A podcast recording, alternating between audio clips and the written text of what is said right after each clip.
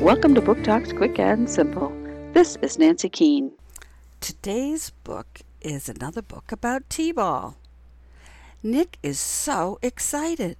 This is his second day of T ball, and he gets to wear his uniform to school. All the kids on the team are wearing them. After school, practice begins. Today they're learning to hit the ball off the tee. It isn't as easy as it looks, but the coach has a good idea to help the kids.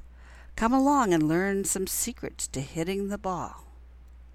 Magic Bat Day by Kevin Christofora, Clarence Publishing, 2015.